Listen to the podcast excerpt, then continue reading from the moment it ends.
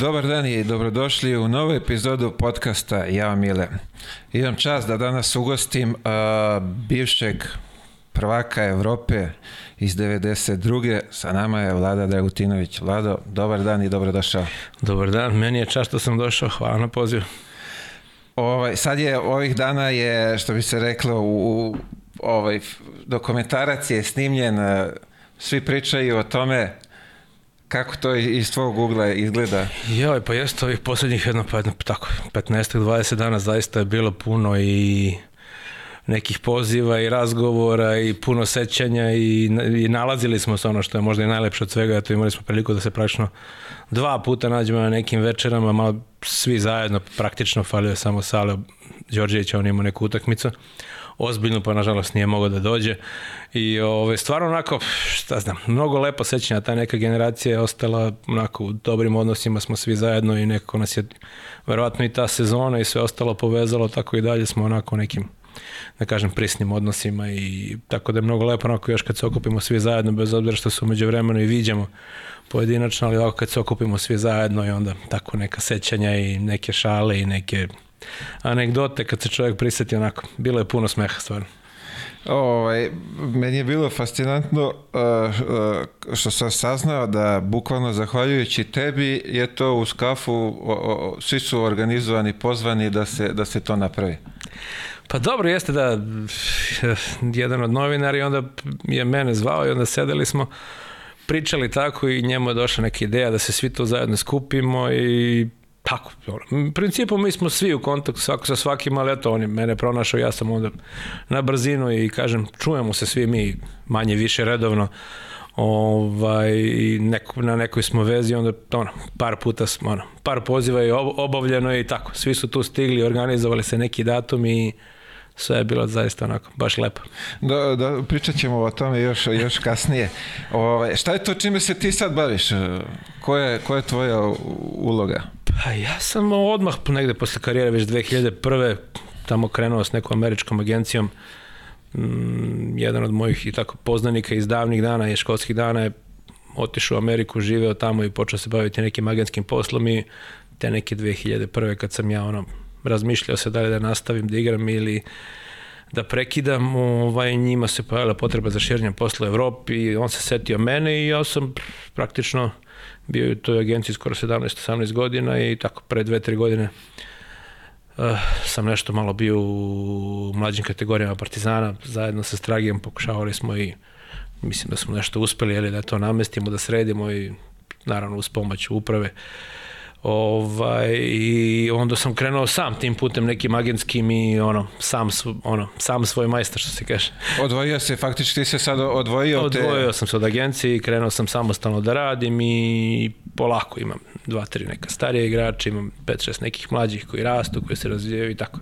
A čekaj, reci mi sad u, u tim godinama krenuti, ovaj, što bi se reklo, iznova neku priču Pa dobro, meni je ono, šta ja znam, meni je to interesantno, bilo je lepo zaista i fenomenalno iskustvo raditi u jednoj velikoj poznatoj agenciji, ono, sa puno NBA igrača, jednom od među 3-4 najbolje agencije u Americi, ali onako nekako je meni vreme bilo da nešto sam krenem, da sam uradim tome onako zove priziva, mislim da to ima dosta stvari koje ne možeš da uradiš na način na koji želiš ukoliko radiš za jedan veliki sistem. Uh, nego jednostavno moraš sam da kreneš i to su neke stvari eto, koje su mene ona privlače. A reci mi, o, Dončić je bio kod vas u agenciji, ako se dobro Dončić sećam. je sada, da, ostao on je u agenciji kod nas. Bilo je tu zaista puno ono, velikih igrača i svega. Mislim i dalje, naravno ta agencija i dalje ima zastupa veliki broj NBA igrača i poznatih i tako dalje. A kad sam ušao u agenciju, tu su već bili Carmelo Anthony i tako dalje. Neki Steve Nash i tako da, mislim, gomila brdo nekih zaista Velika agencija, velika agencija i tako to mi ono kažem pomoglo u startu naučio sam zanat dosta dobro i upoznao te neke velike najveće zvezde i neke procese pravljanja ugovora i svega ostalog naravno što ide za u vezi tog posla. A, neko ime odavde sa naših prostora koje si ti lično Pa ja sam bio tu uključen dosta stvari. Moj kum Rebrače već kad sam ja bio, on je već bio u toj agenciji, pa ne znam, posle su bili, ne znam, Žare Čabarka, pa je bio tu od ovih naših, ne znam ko je još bio u tom NBA-u, Raša Nesterović, Dragić i tako. To su neke sa naših prostora gde sam ja tu nešto ono, bio učestvovao, bio prisutan. u celoj toj, celom tom procesu. A, reci mi, uh, ovamo direktor mlađih tih uh, selekcija Partizana, kako izgleda taj proces angažovanja tih mladih igrača, regrutovanja? Pa ono, meni je to bio izazov, jer ja sam, jeli, ja sam krenuo u Partizanu sa 11 godina, sam 12 godina sam već iz osnovne škole, ti neki mlađi treneri Partizana ovaj, uvukli u Partizan i s futbala me praktično prebacili na košarku. Ovaj, to je zapravo kako si ti i, i, i tako krenuo. Tako sam i krenuo, jeste, da, u celu priču. Tako da to mi je nekako ostalo onako uvek, šta znam, ono, ljubav i emocija i prema svim tim trenerima naravno ostali su ono što se kaže. Ovaj, I onda kad je došla ona uprava, on, oni želeli su malo da srede i te mlađe kategorije i ja sam u tom trenutku se već ono bio nekim svojim razmišljenjima da se odvojim od te agencije, da krenem u nešto sam i taman mi je taj neki ono, tih godinu dana, godinu i po mi je trebalo onako neki prelaz i bio idealan da sam ono se posvetio i ovaj, da se to malo namesti, jer ljudi zapravo su želeli, imali su volju, imali, želeli su da investiraju i da podrže i da se naprave onako da bude to malo ozbiljnije i uspeli smo da sredimo neke termine, da sredimo neki smeštaj za decu i tako da Partizan onako ima neki ozbiljni odnos i pristup prema svim tim mlađim kategorijama i baš mi je drago bio sam na ovaj, na sastanku u Crown Plaza gde je napravljen novi upravni odbor i gde je jedan od glavnih zadataka i ciljeva tog upravnog odbora izgradnja trening centra, da kažem, Partizana, gde bi praktično bila izgrađena par terena, gde bi bile neki smešte za decu i gde bi neka, onako, bilo to sve objedinjeno kao što imaju, ono, veliki klubovi po Evropi. To se godinama provlači kroz medije, koliko je ajde da kažemo sad sa novom upravom, koliko ja, je blizu da se to realizuje? Ja mislim, poznavajući te ljude koji su trenutno u prvom odboru, da to sve veliki, poznati ljudi, poznati biznismeni i većina njih čak ima i nekih, ne nekih, nego je osnovni core biznis im je građevina, tako da sa predsednikom mojim koji je vrlo ovako ovaj, agilan po tom pitanju, ja verujem da će to u naredne već dve, tri godine biti završeno. Sve. Onda ćete faktički imati, ajde da kažemo, najbolje uslove ovde u zemlji za razvoj mladih Pa ja mislim da bi to trebalo svi veliki ti klubovi da imaju i to je neka osnova, naravno i po Španiji svuda već su to napravili i mislim da je to krajnje vreme kod nas, jer opet pogledajući na sve, opet najviše talenta nekako je na ovim prostorima bez obzira na sve. Da, uslažem se, to bi, trebao bi svaki klub da, da ima takve neke uslove da bi ovaj, izbacivali svake godine mlade igrače. Pa jeste, meni bi želeli nekako lako, nešto, što kaže, ako možemo mi nešto pomognemo da i po nekim nekim drugim gradovima, počeši od Subotice, ne znam, Novog Sada, dole Čačka, Kraljeva, pa do Pirota, šta ja znam, to bi bilo idealno kad bi svaki grad tako neki malo po Srbiji imao tako malo bolje uslove za svu tu decu, da se deca ponovo jeli privole da igraju košarku, jer ovo moderno vreme naravno ima svoje izazove, znači za tu malu decu sve ta tehnologija nova, naravno privlači i sve, ali ja mislim kad bismo imali male bolje uslove, mislim da bi oni više trenirali. Da, to je možda mnogi nisu upoznati, ali tu treba obezbediti i smeštaj za tu decu i ako su baš mnogo ovaj, mladi, mali, tu treba i roditelje ovaj, dovesti. Pa nije samo smeštaj, hrana treba obezbediti normalno školovanje, normalan život, eh, adaptaciju, neke nove sredine i tako dalje. Puno je tu posla, ima puno detalja koje mora da se bavi to. Ovaj, I tu mislim da veliko, neka, dosta ljudi treba oko toga svega da se bavi, ne samo finansijskih sredstava i ostalog, nego i dosta ljudi treba tu da se bavi, ne samo trenere, pomoćnih trenera, nego i ljudi okolo, tako da ozbiljni klubovi koji se bave tim mlađim kategorijama, to je dosta ljudi, da kažem, uposleno ceo taj proces. Naravno. A, ono što, što me zanima, a kroz ove prethodne uh, epizode smo ovaj pričali uh, koliko se zapravo dece izgubi iz uh, prelaska iz juniorske u, u seniorsku Kako im, kako to rešiti taj problem? Kako, kako im pomoći? Pa dobro je, pa to jeste problem, to jeste jedan od zadataka tih mlađih kategorija, jer naravno, realno veći deo te dece naravno neće igrati neku vrhunsku košarku i niti je moguće ovaj, jeli, da i svake generacije svi postanu košarkaši, jeli? ali ovaj, ono što je jedna zadataka od, mislim, od tih mlađih klubova da tu decu naravno pripremaju za neke druge stvari za buduće za budući život, jeli. Mislim, naravno i profesionalni košarkaši koji žive od košarke, naravno i posle toga imaju svoj život. Tako da za sve to ja mislim da je to nešto odgovorno. Svi ti ljudi koji se bave mlađim kategorijama i treba na vreme decu usmeravati i pripremati ih ko je za šta ima neke afinitete i prepoznavati u njima i nekako ti treneri i svi ljudi koji se time bave treba da ih usmeravaju na te neke stvari koje će naravno raditi dalje u životu. Jasno, pona, pričali smo i opet ću da, da ponovim da karijera je kratko traje i nikad ne znaš kad može da ti se svi snovi uruše zbog neke povrede, zbog, zbog nekih drugih koje, na koje ti, o, oni kao igrači ne mogu da utiču, a da je mnogo bitna stvar e, školovanje i, i da znaju da se opredele za, za nešto što bi mogli posle da rade. Naravno, nažalost, karijera je i kad je uspešna, na kraju krajeva kratko traje čovjek, eto da 30 i neke igraš, praktično tek tad počinje život. Čak i ti, a, ne, a da ne govorimo o ne, nažalost nekim, što mislim i povrede su sastavni deo sporta, jeli, ali da ne govorimo o tako nekim ljudima znači, koji nažalost rano, a imali su mogli da naprave verovatno neku vrhunsku karijeru i sve ostalo, zbog nekih, mislim u sportu uvek treba imati sreće, naravno. Ali ovaj, znači dosta ljudi koji zbog nekih takih razloga jednostavno na koje nisu mogli da lično prekinuli karijeru je mnogo bitno da imaju i da znaju i da se na vreme pripremaju i ovaj, te neke škole da završavaju ili da se obučavaju i edukuju za neke stvari za koje su onako talentovani imaju afinitete.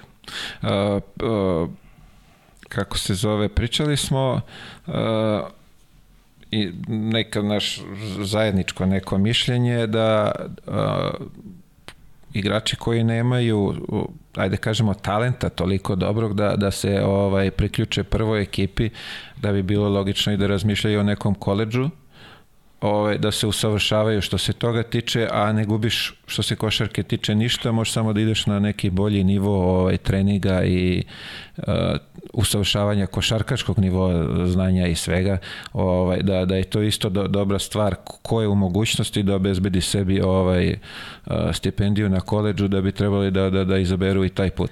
Apsolutno, meni je to onako, kažem opet, za neke igrače koji se procene da nisu nekog vrhunskog talenta za koje se smatra da neće moći da ostvare neke vrhunske karijere. Mislim da je Amerika jedan fantastičan izbor. Zaista u Americi je jedan ogroman broj koleđa i ogroman broj uh, univerziteta koji se zaista bave vrlo ozbiljno košarkom, a ujedno isto vreme im je mogućno da završe jedno ozbiljne škole sa jednim ozbiljnim diplomama, a uz to da steknu jedno znanje jezika i Upozna novu kulturu, novi način razmišljanja i, i svega toga. Upozna nove kontakte, zaista i nove kontakte i nove ljudi iz celo, gomilo ljudi iz celog sveta jeli, koji tamo studiraju i kasnije u startu već imaju neku prednost u biznisu ili u poslu kojim god se bave. Imaju zaista veliki, ono, ima puno primjera čak i nekih igrača s kojima sam ja radio kao agent koji su završavali to i koji su kasnije, znači te svoje neke veze i kontakte sa univerziteta ostvarili u jedne vrlo uspešne biznis projekte sa Indijom, sa Kinom i tako dalje, tako dalje.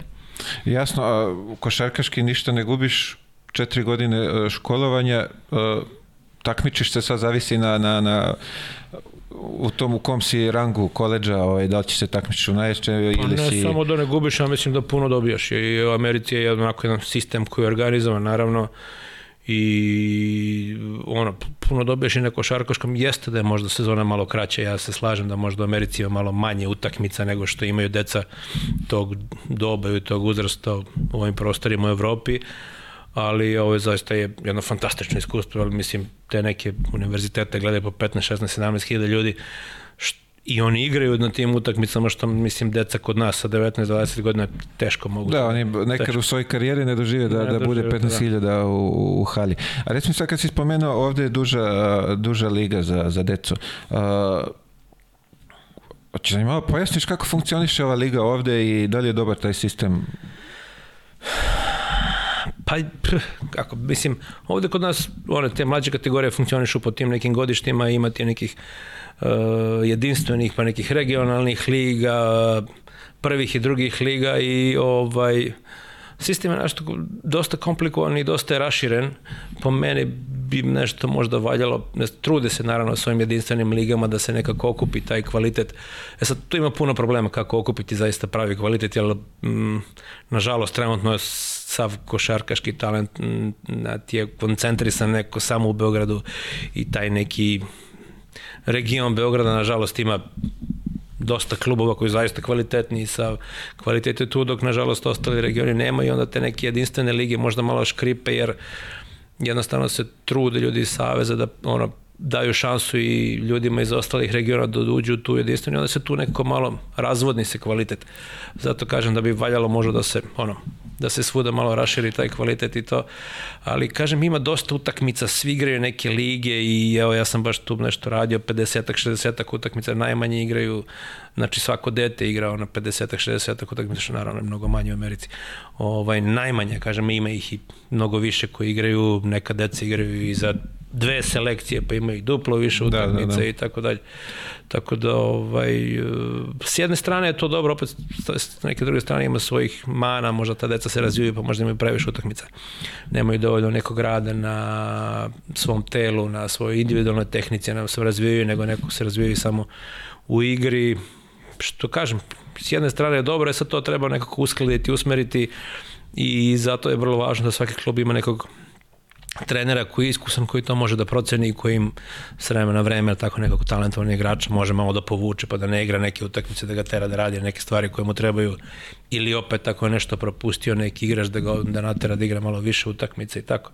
A, da li deliš uh, moje mišljenje da je velika koncentracija talenata u Beogradu pogubna za... za... No, apsolutno, to sam i rekao malo pre, zato sam i ono naglasio da je bilo dobro da svi regioni dobiju tako neki lepu salu i nešto da se deca privuku i da igraju jer realno pričajući u nekim manjim sredinama ili deca nemaju ni uslove da treniraju normalno da će on ukoliko je talentovan doći u Beograd jer ovde dosta klubova da kažemo ima solidne uslove za rada ne kažem fenomenalne ovaj tako da ovaj mislim ne možemo da krivimo roditelji deca što dolaze u Beograd naravno, ali da. ime deca imaju tu dobre uslove znaju da su dobri klubovi, a tamo gde jesu nemaju i tamo gde jesu vjerojatno nemaju neku konkurenciju, pa ni samim tim ne može da naprede on. Onda bi napredao mora da imaju u svom klubu neko ko će da ga tera i da i zato mislim da ono treba malo taj kvalitet da se raspline, odnosno da se malo ne, ne, nekako, raširi po Srbiji, jer mislim da će biti mnogo više talenta. Moje, moje mišljenje, ako mi svu talentovanu decu naguramo u Beograd, naravno da ćemo, da će centar poput Leskovca, Subotice, Čačka i da ne, bra, ne nabrajem sad dalje, da će se polako gušiti. Jer sve što valja dovešće ovde 3-4 kluba u Beogradu, faktički oni su tamo ostali bez kvaliteta, što se i kluba tiče i oni tu gube. Pa ja mislim ne samo što i klubovi gube na kvalitetu, nego jednostavno i ta deca ovaj, u tim krajama nemaju nešto da ih privlači da dolaze da gledaju košarku, jer mislim da je bitno da ona, u svakom delu imaš nekog dobrog igrača gde će se neki lokalni ljudi povezati s njim, pa zbog njega krenuti da treniraju, pa ići i trenirati, pa pratiti ga i tako dalje. Tako da mislim da ono, šta znam, da, veliki je problem to što je to sve skoncentrisano u Beogradu, je naročito što jednostavno iz jednog kluba ne može iz jedne generacije izađe više od jednog, dvojice, trojice igrača. Nažalost je, da. A praktično, da ne, ne kažemo, tri, četiri kluba u Beogradu imaju sve praktično skupe, sve što vredi iz ove naše Srbije. A, koliko je sad, a, ajde bio si sad u, u, toj ulozi a, kažemo koordinatora tih mlađih selekcija. A, koliko klubu znače titule u mlađih selekcija zapravo? Jel to, ne znam, jesi, to, to je toliko, pošto sav talenat uzimaju, da li je toliko bitno da li će on biti kadetski prvak Srbije i juniorski ili... Pa ja lično, eto, kad sam ono, ušao u to na nekom, eto što kaže, prvim nekim kontaktima i prvim pričama sa ljudima koji su već radili u klubu, odnosno trenerima koji su radili u klubu, je, sam insistirao na tome da sama titula prvaka ili osvajanje nečega je totalno nebitno. Jedini pravi rezultat rada mlađih kategorije je broj igrača koji igraju da li u prvom timu te ekipe ili bilo gde u nekim velikim ligama i dobrim ligama. To je jedini to je jedini pokazatelj rada, jedini pokazatelj kvaliteta tog rada. E, kako da kažem, toj deci i tim ljudima koji učestvuju u tome, naravno da je bitno da pobedi se i i treba stvarati kod tih mladih ovaj taj takmičarski duh, odnosno duh pobednika, da oni znaju da u svaku utakmicu treba da daju sve od sebe da bi pobedili i sve to. Ali ovaj, u svemu tome treba da bude neka glavna vodilja uh, talenat jednog dvojice igrača koji ili trojice nije ni bitno, njihov talent da se oni razvijaju i da oni guraju da čak i trpi neki deo tima da bi oni rasteli i postali, kažem, jedini je cilj je da neko od njih bude NBA zvezda i mm, neki CV trenera mlađih kategorija je nekoliko ima titula ili ne znam ti ja čega finala Srbije ili nije ni bitno čega, nego ja sam trenirao NBA-a tog i tog ili ovog iz Evrolige ili ovo ono, to je jedini, kako bih rekao, jedini pokazatelj ono vrednosti rada. E sad kad spominješ trenera mlađe selekcija, uh, skoro smo imali pre par meseci jednu scenu ovaj, gde, uh, ja mislim slagaćete da li je Kragujevac, gde je trener, ja mislim da je Šamaro devojčica.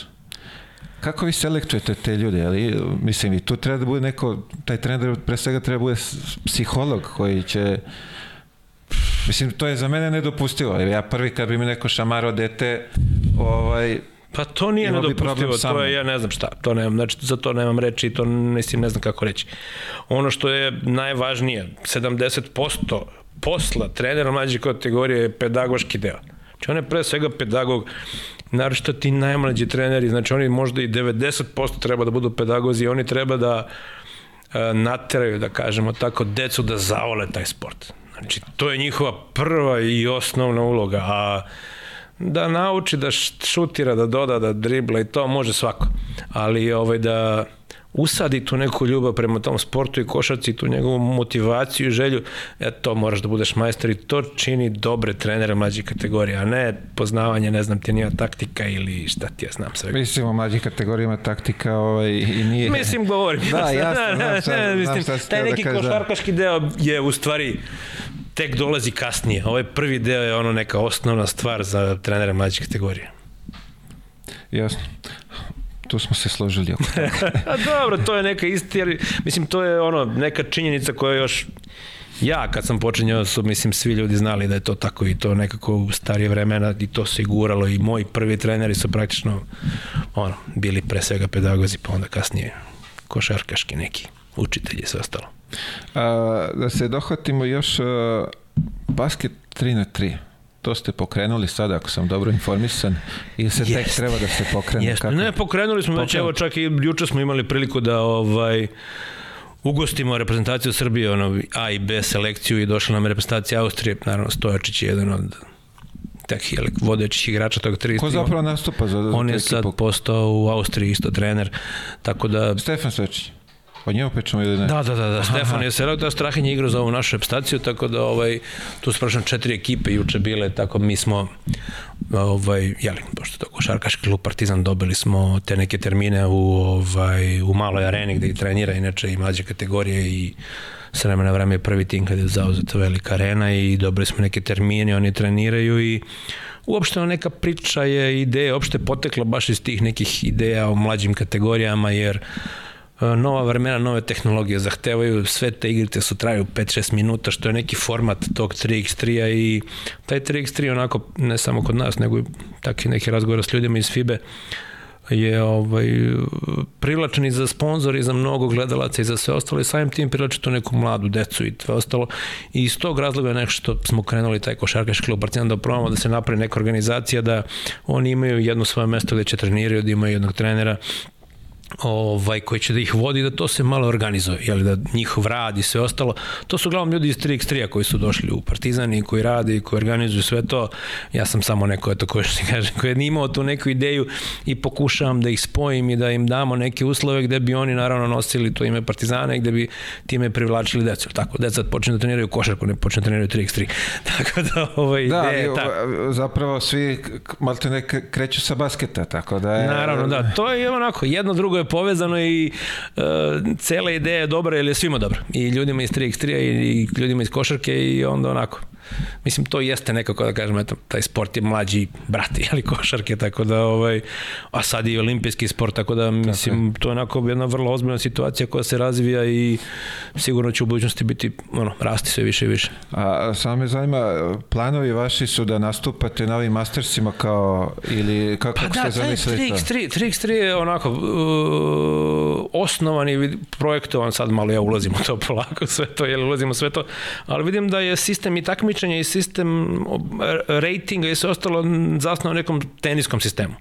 Znači, postoje neki ti turniri, challengeri, masteri, tako da i tako dalje, slično kao jel, tenis, sad svi su zbog Đokovića, naravno, svi znamo sve o tenisu. ovaj, tako da vrlo slično je taj 3x3 namešten nekako i postoji neka naša liga, počinje sa 30. ja mislim, maja, počinje prvi turnir u Sremskoj Mitrovici, mislim da prvi turnir, nastupaće naravno i mi prvi nastupamo i onda imaju tako neke pozivni turniri, ovakvi, onakvi i tu vreme na vreme ekipa skuplja neke bodove, igrači skupljaju bodove i onda se plasira za te challengere, mastere i najveće turnire svetske. Tako da uspeli smo da spojimo te neke igrače ovaj, koji imaju neko sada po njihovom zbiru tih poena koji oni vuku, nekom 19. smo mesto recimo od ekipa u svetu, a ono što je meni lično interesantno, uspeo sam da privolim Čakarevića da krene da počne, on se već razmišljao i meni je interesantno da se pojavi neko, jeli on je igrao u Partizanu i sve ostali, da se pojavi neko koji je do juče igrao košarku, da krene da igra 3x3, pa da vidimo kako se on snalazi i kako će sve to, i- a verujem da sa organizovanijim radom nego što su oni imali, naravno taj 3x3 je do sada bio onako se, rekao, spojeste njih 4-5 momaka da, da, i to je- uzmu i treniraju gde stigne, mislim i svakim čas to što su postigli sve, to je onako, zaista ono, Zahvaljujući Za- njihovom trudu i upornosti. njihova da. upornost i njihova neka organizacija među sebe, tako da mislim da će im ova pomoć onako dobro doći i da, kažem, da vidim, da vidimo ako se to organizuje, koliko može taj tim još da napredi da raste kad je to onako što se kaže. Faktički, znači sad će biti, ovaj, uh, imat ćete bazu igrača iz, iz kluba. Pa iz kluba, kažem i to je još jedno što smo pričali malo pre na ovu temu, da neki igrači recimo koji neće moći da igraju košarku, a recimo prije im 3x3 ili imaju neke talenta za taj 3x3 više nego za košarku, će moći praktično pravo iz mlađih kategorija Partizana preći u, mislim preći, ostati u svom klubu istom, jeli tako, samo preći na malo neki drugi sport. Mislim, drugi sport, isto, ista stvar. Ne, ono što, što se meni svidelo je da, da ste vi kao klub Partizan, s- ajde kažemo, otvorili novu, uh, kako bi to nazvali? Da, pa neki Ćerka nove- firmu, što bi Ćerka, rekli da, pa jeste, da, da. da, da, pa jeste, to jeste tako. Ovaj pa dobro, mislim, ono, nismo prvi, i Valencija ima i tako dalje. Ne, ne, ovde pričamo o našim prostorima, da. da. Pa dobro, da. E, kažem, ja, baš eto, kad sad sam spomenuo, znači već ono, kad je izašlo to, kad je objavljeno, već su nam se javili ljudi iz Valencije i ono, pozvali nas da dođemo kod njih, da igramo te neke sparing mečevi i tako dalje, tako da ide taj 3x3 nešto napreduje i sve i kažem, eto, drago mi je eto što smo ono, po- povukli, što se kaže, neko, nešto prvi, prvi nogu da krenemo i da probamo i tu da pomognemo da se to malo više bolje organizuje i ono, i da to ima još više uspeha. Želim vam svu sreću u tome. O, naravno dok Zvezda ne bude otvorila svoje, o, kako se zove, pa ćemo Pa tu, sigurno će, sigurno će, ja mislim i ostali. To je sad krenulo, ja verujem da će to uskoro i svi da na- naprave.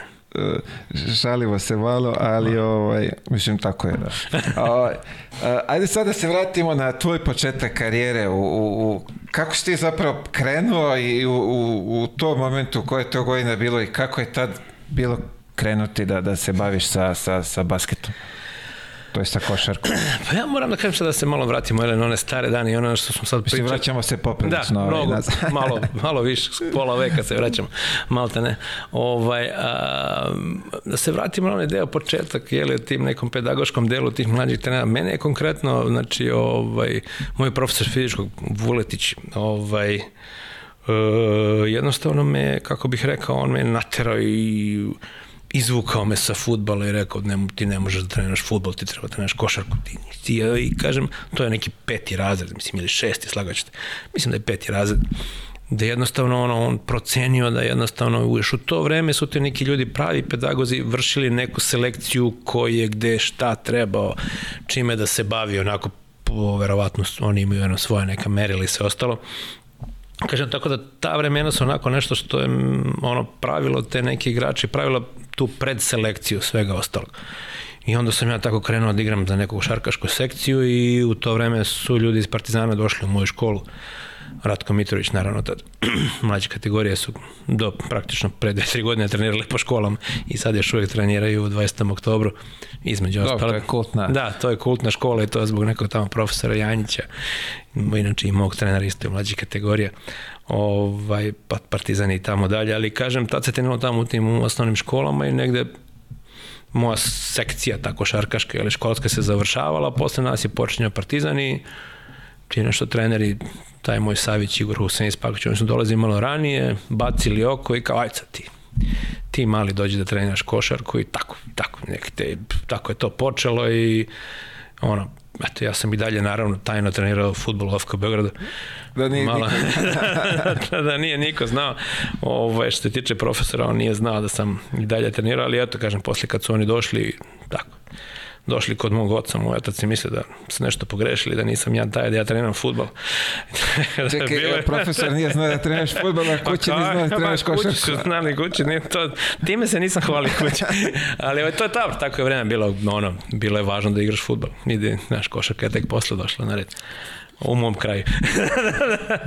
ovaj, I tako, eto, i onda to tako krenulo, onda sam prošao kroz sve te neke mlađe kategorije Partizana, sve to kako je išlo i I tako išlo je lepo i ono, i nek Lala Lučić me pustio ono, 17-17 godina sam igrao, igrao sam je neke utakmice protiv Ciboni, nešto. Međutim, nešto imao sam neku nesreću da što me pustio Lale protiv Pavaka, pa sam istegao neki šijadikus, pa onda sam se odmarao na šest meseci i onda sam posle odlučio da, ono, bila je zaista velika konkurencija u Partizanu, ono, Zorkić, Obradović, Vilfar i tako dalje na ovoj mojoj poziciji i onda sam onda je bilo pametnije da sam prešao tako ne, te neke četiri godine u IMT, koje je onako zaista fantastično, šakot i posle Rajko Taraman su mi pružili šansu i ono, to je zaista bilo neko poverenje koje sam imao ta dva trenera jedne godine, sećam se to još u sportu bilo tih davnih godina u sportu je izlazila neka statistika koja je daleko manja nego sad. I u prvih 10 kola sam imao neki prosek 41 minut jer smo igrali dva produžetka. Znači nisam izašao tih 10, 10 kola nisam izašao. Ovaj, tako da to je onako neka ono, anegdote, ja se smejem uvek na tom, ja sam jedini koji ima prosek 41. 40, a to je stvarno bilo tih 10 kola, ovaj, smo igrali dva produžetka, ovaj, kaže mi ispalo s njima 41 minut. Ovaj, I onda tako sledi, sledi ta 91. godina o kojoj smo za njih 15. dana stvarno puno pričali da se ne ponavljamo i posle onda kreće ta neka naša ona profesionalna klašna karijera putuješ za novcem i tako polako počinje da se nešto tu podižu neki ovaj ugovori, neki novac ulazi u košarku u tom periodu 90 i kasnije neke. Da, da, kraj 90. Te, da, polazi neka, neka malo veći, veći novac i onda već može od toga da se živi lepo. Da si... A kažem ja što ono, mislim, nemo se sad, eto, bavim se u tom nekom poslu, jeli, pa pričam mlađim igračima kako je ja kad sam počinio igrao sam tu, jeli, veliku ligu, te velike Jugoslavije i u nekom timu koji je bio tu u sredini tabele, nikad mi nismo bili nešto za ispadnje, imali smo pobedu i protiv Cibone sa Draženom i, i protiv najjače Jugoplastike, sa svima njima smo pa uspeli da ih pobedimo, pa smo recimo igrali za da sad ne kažem dve, za dve pice i Coca-Cola za ceo mesec dana, ovaj, ali ono, kažem, tako je bilo, posle se došla neka vremena. Tad je važila ta liga za je, Najjača u Evropi, jel da? Sigurno je bilo najjača u Evropi, kažem, ali mislim to, su, to se pokazalo i dve evropske titule, i Cibone i ne znam, tri jugoplastike i svega ostalog, te nekih 90-ih 80 i neke pa do 90 i neke zaista je bilo ubedljivo najjača liga i naravno spominjali smo kvalitet je bio skoncentrican igrač nisu mogli idu do 27. 8. godine u stranstvo i bilo, da. svi isto, ja mislim da tek je Dražan sa 24 nešto je pomerano to zbog njega je pomerano da on može da ode u Real Tako da, ovaj, onako, bilo je baš, teško je bilo ući u ligu i biti član neke ekipe, jer zaista bilo ono, nije moglo da kažem. Sve je bilo to skoncentrisano, niko nije mogao da jede van. A reci mi sad, uh, 91. jesam dobro razumeo, uh, Željko je krenuo kao igrač ili je to bilo pre Ne, Željko je igrao do tada i Željko je bio pozvan na priprem reprezentacije koja su to leto spremala za Rim. Ja mislim da je bila Rim, evropska, tako nešto. 91. Evropska znači on je sigurno... početak sezone dočekao kao trener, ne kao to igrač. To je predsezona, znači predsezona, to je znači avgust, neki recimo tako neki jul, avgust, ono pripreme evropska, ovo ono. I, ovaj, I eto, to je on posle pričao to nešto je bilo Kićanović se nešto dvomio, krenuo je da menja nešto koncepciju, sve ostalo, to je novog i mladog trenera i on je to rekao baš da su na nekoj večeri sedeli, da on rekao, evo ja imam ideju, ja imam, ovaj, ja imam rešenje za trenera, ja ću budem trener i tako, jedno drugo je posle krenulo i eto, završilo se kako završilo. Kako izgleda sad, uh, to su sankcije, Ka kako ste putovali na, na, na to me zanima, kako ste putovali? Eh, pa imali smo sreću, tad je još radila ovaj Cirih, ona konekcija preko Ciriha, mislim, samo par letova je bilo iz Beograda, znaš, i cijel je bio Cirih i ne znam šta je. A znači nije bilo totalno obustava letova? Nije, nije bilo skroz obustava letova, još se letalo, mislim, samo par nešto gradova se letalo, nije ono bilo nije svuda, svuda da. nije bilo svuda i mi smo imali sreću da smo imali to relativno dobru vezu, smo imali u odlasku, je bila super veza Mi smo puno imali nešto čekanja na Cirihu, u porodku je bila malo nezgodno čovno. 6-7 sati je bilo nešto, nije bilo, kažem, puno letova, skoro vrlo malo nešto se letelo, ali ovaj, ono, uspevali smo to, bilo je dobro, kažem, ono, uprava tada u to vreme, ono, taj pokojni Radovica Nikćević, Kićanović i Suji Savović su zaista nam ono, dali dobre uslove, baš smo, mislim, ono, za to vreme i u celoj toj situaciji smo imali super uslove. A sad, pošto sam odgledao i taj dokumentarac, ovaj, ja sam u neku ruku zaključio da ste vi bili ko neki švrceri, vi ste nosili... Dobro, to je na kraju ispalo svega, znači, ali ono, i kako da kažem, ono, nije bilo ono puno stvari kod nas ovde, a mi smo tako putovali praktično malo svake nedelje i onda svašta nešto ljudima, pa to su uglavnom neke sitnice, svašta nešto ljudima. Pa vidi, taj Ausfog za Rebrača nije bio Taj sitnica. Rebrača, to nam je, znači to mi je ono, to je svima nama ostalo nešto, ja sećam, to je bilo komplikovano, mislim, nije to samo, nosili smo, nije onaj lonac, nego on je nosio ono, ono i kako zove to, cev, ne znam nešto kako se zove. Celu granu Ausfog. Ce, da, da, ta grana Ausfoga, ne znam kako se zove, i onda je to bilo meni smešno, znaš, to mi neko ostalo u memori bez veze, ali kažem, ono baš je bilo čudno, ono, a nije to sve onako neke sitnice, neko je voleo neki li, neki džins, neki li, neko je volao ovo, neko je volao ono. Ali se seća, seća. Ne, pa da, da, to je to vreme bilo moderno. Dobro, vi ste jedini bili, ima, što biste rekli, imali vezu sa, sa spoljnim svetom da ste mogli da... Da, da, da smo i, da, da, i to vrlo često. Praktično svake nedelje smo išli, ovaj, tako da, ovo je ono. Dobro, da, lepo bilo. Ovaj, ajde kažemo ta Funobrada ugostila vas tamo, da čekala vas kao, kao najrođanije, na kraju ispostavilo da, da su toliko zavoleli da su navijali protiv što bi se svog kluba. Da, neverovatno. I mislim sad iz ove perspektive kad čovjek pogleda onako to je nešto ne, ono, neverovatno i što je onako vrlo interesantno, to je nekako ostala veza do sada. To je, znači i dalje, naročito Željko je kontakto s tim predsednikom tada, mislim što je bio predsednik opštine, tako ne znam ja šta je bilo.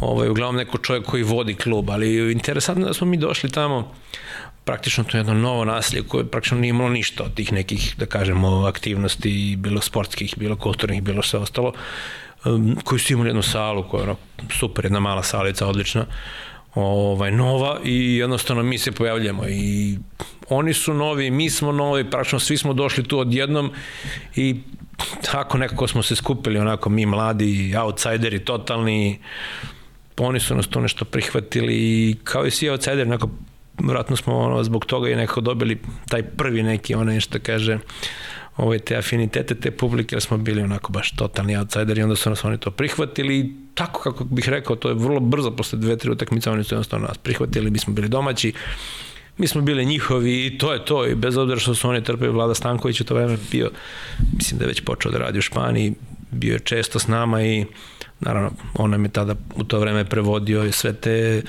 neke napade na ljudi iz Fuenla Brade, iz štampe, iz novina španskih, zašto oni sad navijaju, ajde sad negde su malo i protiv Juventuda to, pošto je taj, taj rivalitet Madrid-Barcelona, tu su negde još im ono progledavali kako protiv studijanca da navijaju za nas, to je bilo onako još, još gore, ali eto, jednostavno, to je tako, oni su stvarno prihvatili, stvarno su navijali, zaista su navijali onako ozbiljno za nas i ono, značilo nam je to u tom trenutku. Značilo je, mislim, ako nije bilo lako otići iz svoje zemlje, otići tamo, slušaš neke vesti i neke informacije, nažalost, koje su bile tad takve kakve jesu, ovaj, u vezi tvoje zemlje, u vezi nečeg tvog, pa onda opet dođeš, puđeš u salu, pa te ti isti ljudi prihvate kao svog i značile puno. A, reci mi, kad otputujete na utakmicu, je li to ono, traje više dana ili je to faktički pa, da ste putovali na svaku utakmicu iz Beograda? Pa uvek smo bili najmanje 3-4 dana, ali mislim da tri puta smo povezali e, gostovanja, pa smo onda ostali recimo po dve nedelje, ostanemo jedno ono, kad smo igrali recimo igrali smo u, u gostima recimo sa Juventudom, pa smo onda igrali domaćini u Fuenlabradi, onda smo recimo ostajali, igramo sa Studijantesom, pa onda igramo neku kući kući da, da, bradi, pa smo onda ostajali tako ono desetak, 15 dana. Dešavalo se, mislim, 3 ili 4 puta smo povezali onako taj neki 15 dana praćeno u Španiji. Zato mi je sad, ovaj, sad mi je jasnije kako je ovaj, Strag imao vremena i za tombolu da... Pa jeste, da, da, onako, dobro, oni su bili još mlađi, mi smo bili do neke 20, te četiri godine, ne znam ja koliko smo imali. Vi ste kao bili stari. Mi smo bili 23. kao čuki, mi smo bili čuke sa 23, onako iskusni. Oni su bili, dete sad, 18, 19, 20 godina, ovaj, I u Španiji je to onako nekako, kako bih rekao, neka porodična zabava, taj bingo nije kao kod nas, onako su neki veliki okrugli stolovi, oni sede, večeraju i sve ostalo, a ovaj, igra se taj bingo onako usput. Sad njima ono kao mladima bilo interesantno, pa su učili i španski, ono slušali brojeve i učili sve ostalo. Naravno u startu su se borili sa onim jednim tiketom da isprate, a posle su već postali čuke, pa su mogli više da isprate i ovaj, I tako, mi stari smo se nešto šunjali, gledali po gradu, malo obilazili, tako. Kako se Madrid u tom momentu dopao? Pa mi smo bili smešteni, mi smo bili smešteni u, u Madridu, u jednom lepom hotelu, praktično u centru, da kažemo, u samom centru i ono, Madrid ko Madrid, zaista Madrid je ono, ja bi što kažu, ono, ne znam, po svemu sudeći, odmah, čovjek bi se odmah preselio tamo kad vidi šta se da, Madrid ima i I, i ljudi i klima je onako i umerena i fantastičan grad i mor, stvarno nam je bilo prelepo tamo, mislim, nema šta. U, u, u Madridu ne možeš loše da se provedeš. A, sad me zanima, uh, Željko je bio playmaker. Relacija tvoja i njegova u tom momentu. Da li on, mi, ja pamtim Željka ovog novijeg posle, kažemo, da, da, da. 95. i sva ta nervoza koju on pokazuje. Kako je tad u momentu, on je, što bi se reklo, Novajlija, kako to izgleda u tada? Pa Željko je još i kad je igrao sad, dobro, mlađi se ne sjećate, ja sam eto bio mlad igrač, da kažem igrač, mlad, trenirao sam s njima, kažem, bio sam u ekipi, skidao sam se, to, nazovemo to tako, mislim, skidao sam se i bio sam, i kaže, trenirao sam sa njim i Željko je već još kad je bio igrač, kako bih rekao, ponašao se kao trener na terenu i sve to što je praktično trener zamišljao, on je provodio, insistirao, kod ostalih igrača da se to sprovede i već tada i kao igrač vodio računa da sve to što se radi da se radi po nekim trenerovim zamislima i, i sve što je dogovoreno. Tako da ovaj i znao je još kao igrač da ovaj pokaže taj svoj temperament i emociju prema igračima koji su zaboravili ili, ili ih povuče igra ili kažem naše igra ljudi kad igraju drugačije i adrenalin i puls i, i pritisak i sve ostalo je drugačije, tako da ne reaguju ljudi kao u normalnim situacijama, ali je Željko čak i tada i kao igrač znao da ono pokaže tu svoju emociju i i nezadovoljstvo prema nekom sa igraču koji nije ispoštao jel, to što je trebao da ispoštuje. A je bilo, aj, kad kažeš nezadovoljstvo, je, je, je imao tu situaciju ne, neki kao sukob sa njim, to da, da ste... Pa nije, nekako sam, kako bih rekao, ja sam tu negde igrao i tako i iz nekog tako kažem igračkog druženja sa Željkom i prihvatio to i tako sam nekako sam sličnih razmišljanja i pogleda na sve to imao i ja, tako da nekako nikad, nikad nismo bili u suprotnim ono, u, u suprotnim razmišljanjima. Dobro, da, ali, nego, ali... ti kažeš, kad je puls 180, onda već uh, ta Jeste, nivo, jeste, ali nivo Željko ima u tom mali. delu neki veliki utice na mene, pa sam onako već počeo racionalno već i da razmišljam o košarci, o svemu tome i da nisam dozvoljavao sebi da iskočim iz tih nekih što sam ranije, kad sam bio mlađi, se dešavalo. ali kasnije, posle ovaj, sam uspojen učio da mm, to iskontrolišem. A, reci mi, profa Nikolić, on je tu, aj kažemo... On je knjiga za njega, treba stvarno puno i sad naročito iz ove neke perspektive Uh, ono kad si stariji pa kad gledaš ono sa strane sve to Da, šta to je on, isto. šta je on i kako je on radio i sve te neke stvari koje su nam su tad činile onako kao šta ovaj priča lupeta gluposti. Nema pojma šta. Ti sad shvatiš u stvari da on skroz druge stvari radio, tražio, usmeravao te, sve i svašta radio na jedan način onako koji u tom trenutku ti jednostavno kao mlad i čovjek igrač ni jednostavno no, nisi mogao da shvatiš, realno nisi mogao da shvatiš. A pretpostavljam da, da je bilo tu mnogo i, i, i dobrih saveta. Pa ne mnogo dobrih, nego ono, ono, svaka mu je bila, svaka njegova rečenica i sva, sve što je rekao i svaki put kad je rekao to su bile onako zaista stvari, onako što se kaže, gađaju srce mete, sve je tačno pogađao i sve je i najsitnije detalje ispravljao i sve video i neverovatno, mislim čovjek je zaista legenda i napravio i gomile trenera i svega ostalog i njegove rezultate da ne spominjamo, ali zaista način na koji je radio je nešto onako specifično i drugačije i i sve ostalo od, ono, odnosu na ove druge, a opet sve uz to u neku staloženost, smirenost i mm, neverovatan osjećaj racionalnosti i svega ostalo.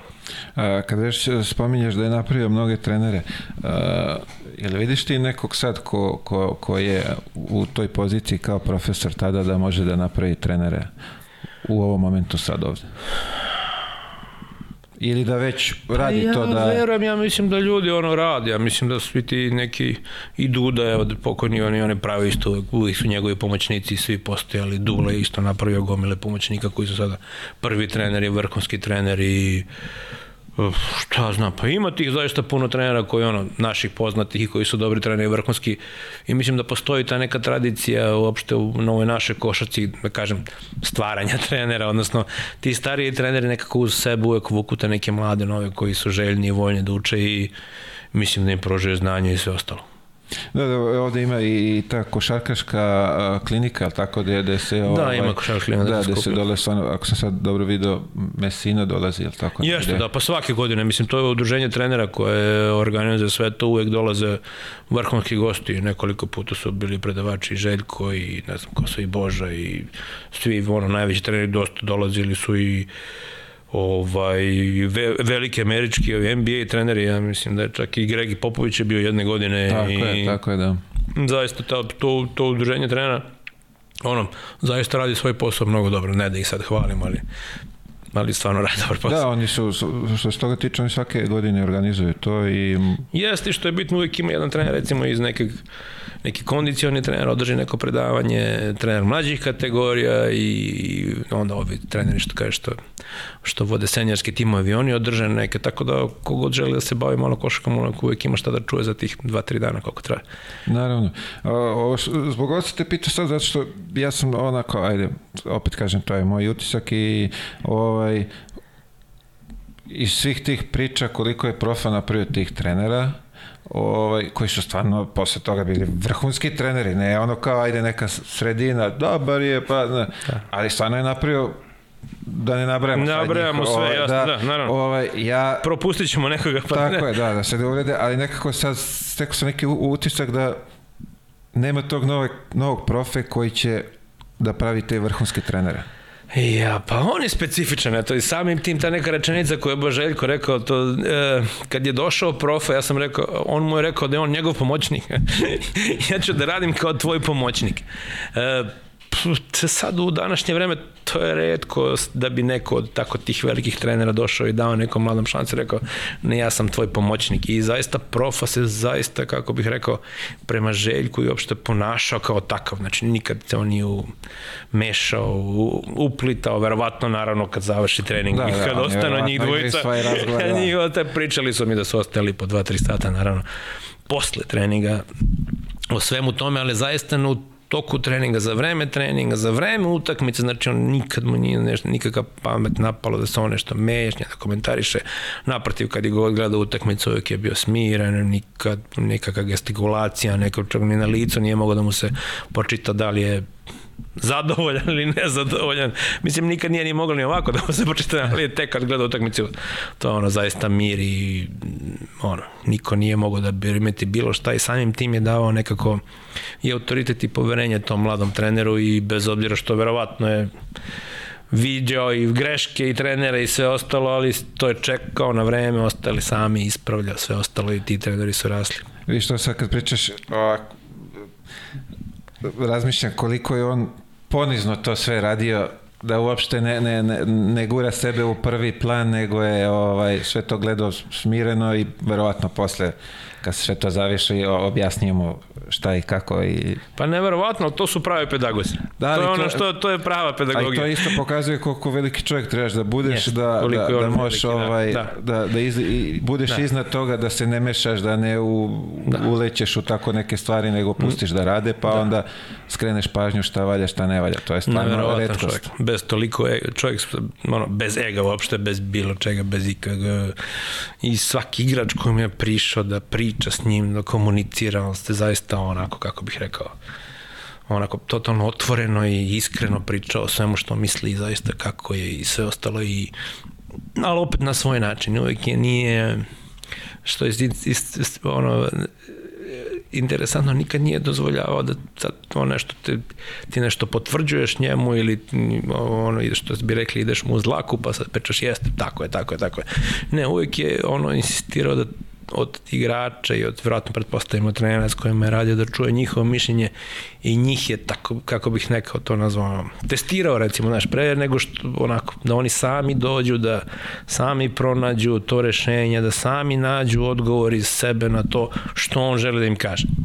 Na kraju kraja, da, treba biti takav čovjek. Jasno, da, treba biti veličina da, yes, da, da yes. sve to tako, ovaj, yes. što bi se reklo, sprovedeš u delo. Da.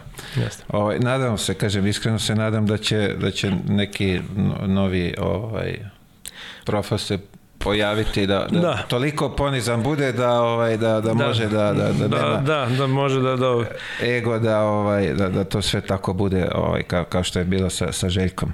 Ovaj ajde se do, sad dotaknemo te finalne utakmice. Ovo što sam sad skoro našao i nisam mogu da verujem da uh, ispravim ako grešim, da ni jedna utakmica nije direktno prenošena na ovde na, na šta je tad bio, kako se zvao već, RTB, RTS, nego su sve slali kasete, nešto, pa je onda sutra prikazivano. To što smo igrali, da, da, da, to što smo igrali toku te Eurolige, da, da, to da. Da, pa ne znam zašto, verovatno možda zbog tih sankcija i svega toga. Zaista ne, ne znam, ne mogu da setim, ali znam da je tek kasnije za da, to. Da, zbog sankcija pa nisu imali pravo. Nisu da li, imali pravo, nešto aj, tako kažem, nešto. Kako yes. se već tao zvalo, yes. RTS, nebitno yes. nisu kupili yes. prava ili je zbog sankcija i sve. Mislim da zbog sankcija nije smelo da se prenosi, nešto je bilo, ne Čekaj, uporedi sad iz, iz, iz, iz ove situacije da igraš finale Euroligije i, i u tvojoj zemlji ne može niko da gleda. Nema pojma šta se dešava dok sutra ne puste snimak. Ne znam, meni je, ja kažem, ono, čovjek kad se vrati malo nazad, recimo, znaš, ja kad sam bio mlad, ono, ti neki juniorski dani, pa mi smo dobijali jednu, sećam se VHS kaseta i to neki All Star East West. I to je sve što smo... I ko znao pre koliko godina. I onda smo, to je sve što smo mogli da gledamo, znaš, i ti sad pogledaš ove mlađe generacije, znaš, koje ono svako večer gledaju po dve, tri utakmice NBA, ono najveći igrače i tako dalje.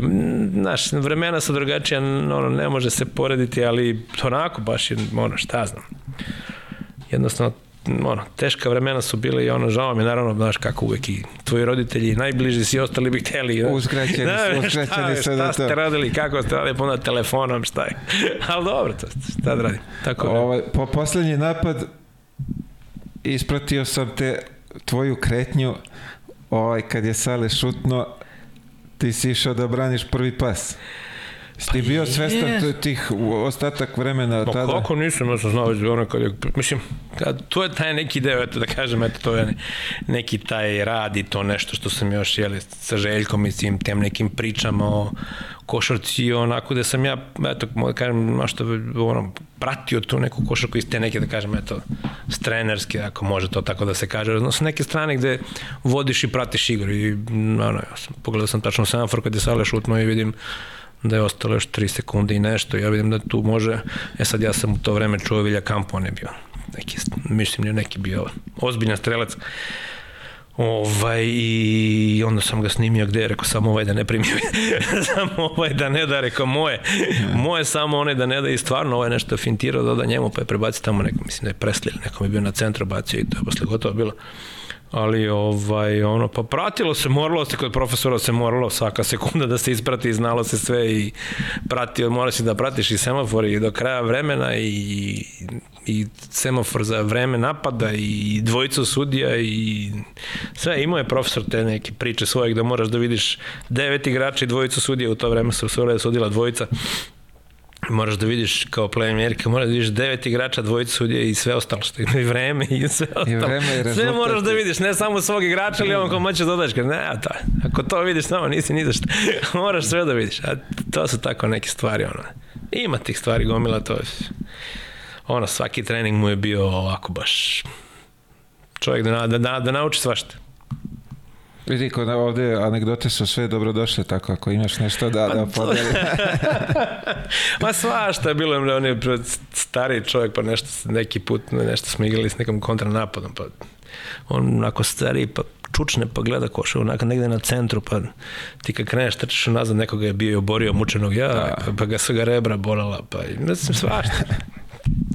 Svašta je bilo to, mislim, ali onako, sve je to nekako podvodio pod šalu i bez obzira što je bilo teško i ono sve, ali on nekako to uspevao sve to da drži pod kontrolom, stvarno. I naravno Željko koji je to onako nekako uspevao nama da približi, Željko koji je nama bio blizu, da kažem, generacijski, Da, to nije, daleko, nije velika daleko razlika bliže u od profesora, da, daleko bliže od profesora, a opet nekako strane. I stvarno onako nekako, kažem, cijela ta kompozicija svega toga je onako bila ono, fantastična, nekako se uklopila. To.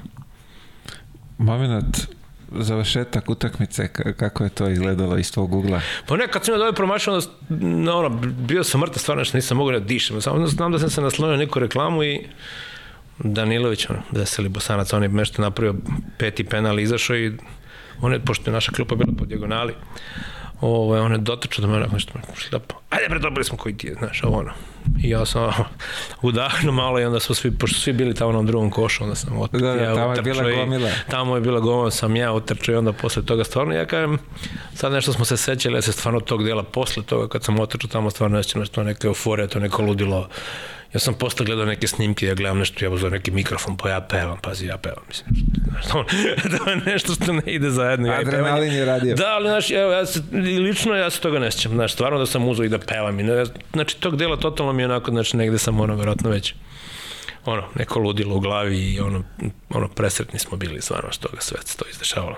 Tako i i tako, posle bila, posle smo otišli u hotel i tako neka večera gde smo već onako bili svi splasnuti i premoreni i tako nešto, ono, ušli smo u neku, sećam se, sala nek, na večeru, tad već bilo dozvoljeno, došli su nam devojke, supruge ili koje, šta ima neki drugari, najbliži. I tu smo tako Ko je malo uspio da se organizuje za Pa prevoz? tu smo tako uspeli dačno da sedimo, nešto smo večerali, tako časkali, znam da je Sale nešto ušao i ono malo kasnio i onda smo nešto se nas dvojica ono, počeli se grlimo, nešto udaramo ono, po leđima, nešto, ono, znaš, ono, mm, mi smo još kao klinci nešto krenuli zajedno u osnovnoj školi da igramo jedan protiv drugoga, radnički, pre nije bitno. I onako iz čistog nevezanog, ništa to onako čisto ustali nešto, znaš, ono, ne veruješ da si sad nešto, ono, ko klinci smo zajedno sanjali da igramo nešto i sad smo, znaš, nešto zajedno osvojili, počeli se i onda je pravo malo dostojanstva za tri dana i polufinale protiv slobode, sedite dole, šta? ono, tako da... I u tim momentima znaju da, da spusti. Ne, uvek, kako to, to, posle pobjede smo bili najgori. Znači, posle svake pobjede niko ništa nije znao, igrali smo loše, sve je bilo katastrofa, oni ne znaju da hodaju, vi ste njih pobedili slučajno, Znači, kad pobediš, ništa gore nije moguće se desi. Samo nema da pobediš. Ali dobro, zato recimo kad izgubiš i kad on osjeti da smo mi onako potonuli, Da pali, da. onda, onda digne, onda počne se onako da nas diže, da nas hrabri, da ono da se smeje, što je vrlo redko.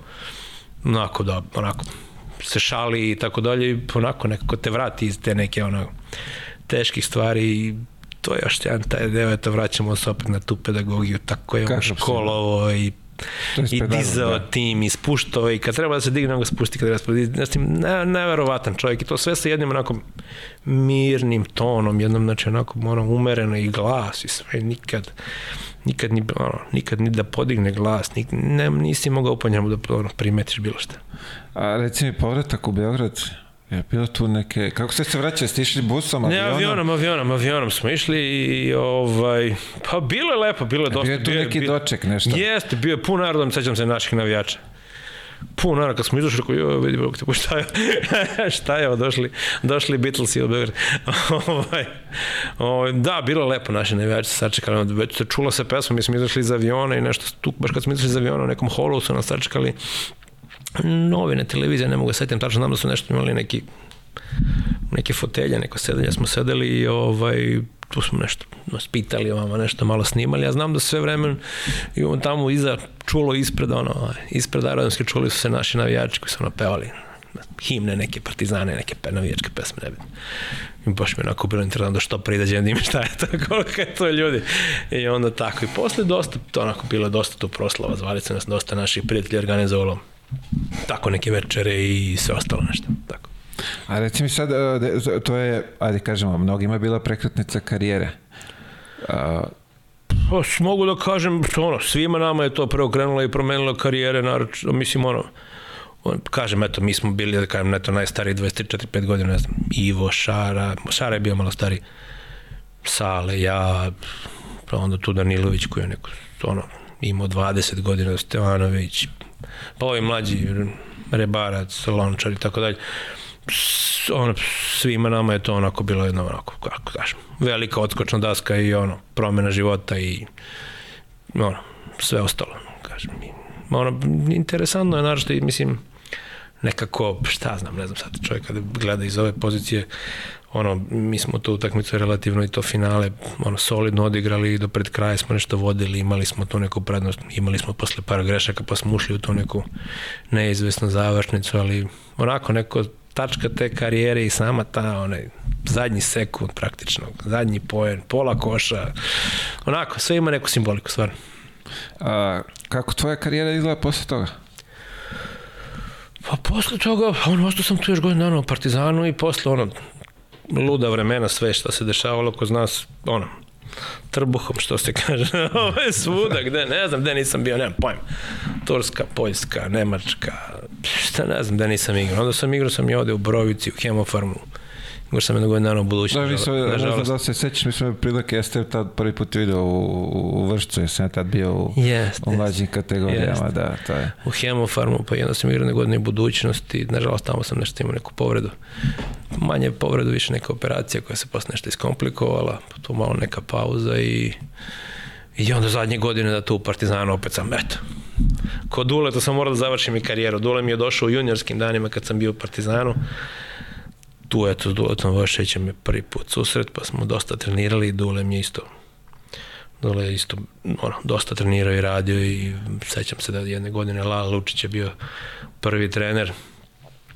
Dule Jošević pomoćni i i išli smo sedam dana u Herceg Novi na predpripreme gde su ovi stariji igrači vodili supruge, a nas troje četvorica mlađih. Pred jeli- pripreme. Da, pred pripreme neke, da se oni više družili, a Dule je mene budio, boga mi šest, pola, sedam i na otvornom terenu u Herceg Novom, oni svi spavaju, ja ustajem i treniram s njim jedan na jedan, to, to mu Čekaj, nikad, to pričaš sad to mu o nikad poslednju sezonu ili...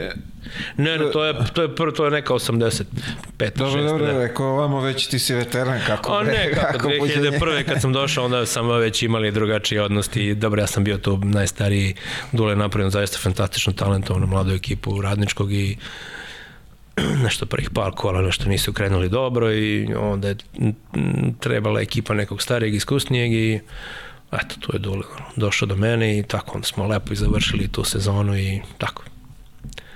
lep kraj karijere. Ka, kad ti počinješ da razmišljaš o kraju karijere? Koji to moment? Pa to je taj moment, ja sam se već imao sam neki poziv iz Slovenije da idem, da igram i ovaj, eh, ali kažem, eto pojavljuje se taj čovjek iz, jeli, koga znam odavno i radio za tu veliku agenciju, on kaže žele da se šire po Evropi, treba mu neko ko je u kontaktu, ko ono, poznaje ljude iz košarke, tako dalje, tako dalje. Šta ja mislim, šta ja planiram, i pa rekao imam poziv tamo, pa kaže, znaš, ono, trebalo bi ako hoćeš, ono, znaš, mora da se prekine i tu sam negde prelomio. Već je bilo neko vreme, ono, čovjek mora da, da razmišlja šta će dalje u životu da li bih igrao još godinu dana, eventualno dve, to je to. Ovo je bila zaista dobra opcija, nije bilo, ta agencija nije imala nikog u Evropi, praktično ja sam bio sam i jedini u Evropi i to me onako povuklo i ono, bio ono, dobar startup. A pre tog poziva jesi imao ovaj plan neki šta, šta bi radio posle karijere? Nisam još o tome razmišljao, zaista nisam još, kažem, imao sam, ono, kažem, lepa sezona u radničkom, lep poziv i ono, ono, dobar dobar tim iz Slovenije, ono, tako da bio sam negde, ono, praktično negde okrenu da ću još igrati barem tu još sezonu, ali onda kad je došao taj poziv, onako malo sam stavio na vagu, čekaj, možda je, možda je bolje uhvatiti sad, jer ako sad ne uzmem, to će otići, a posle šta će se otvoriti sledeće godine, ali one tamo opcija, bolje uzeti sad dok je vreme, pa.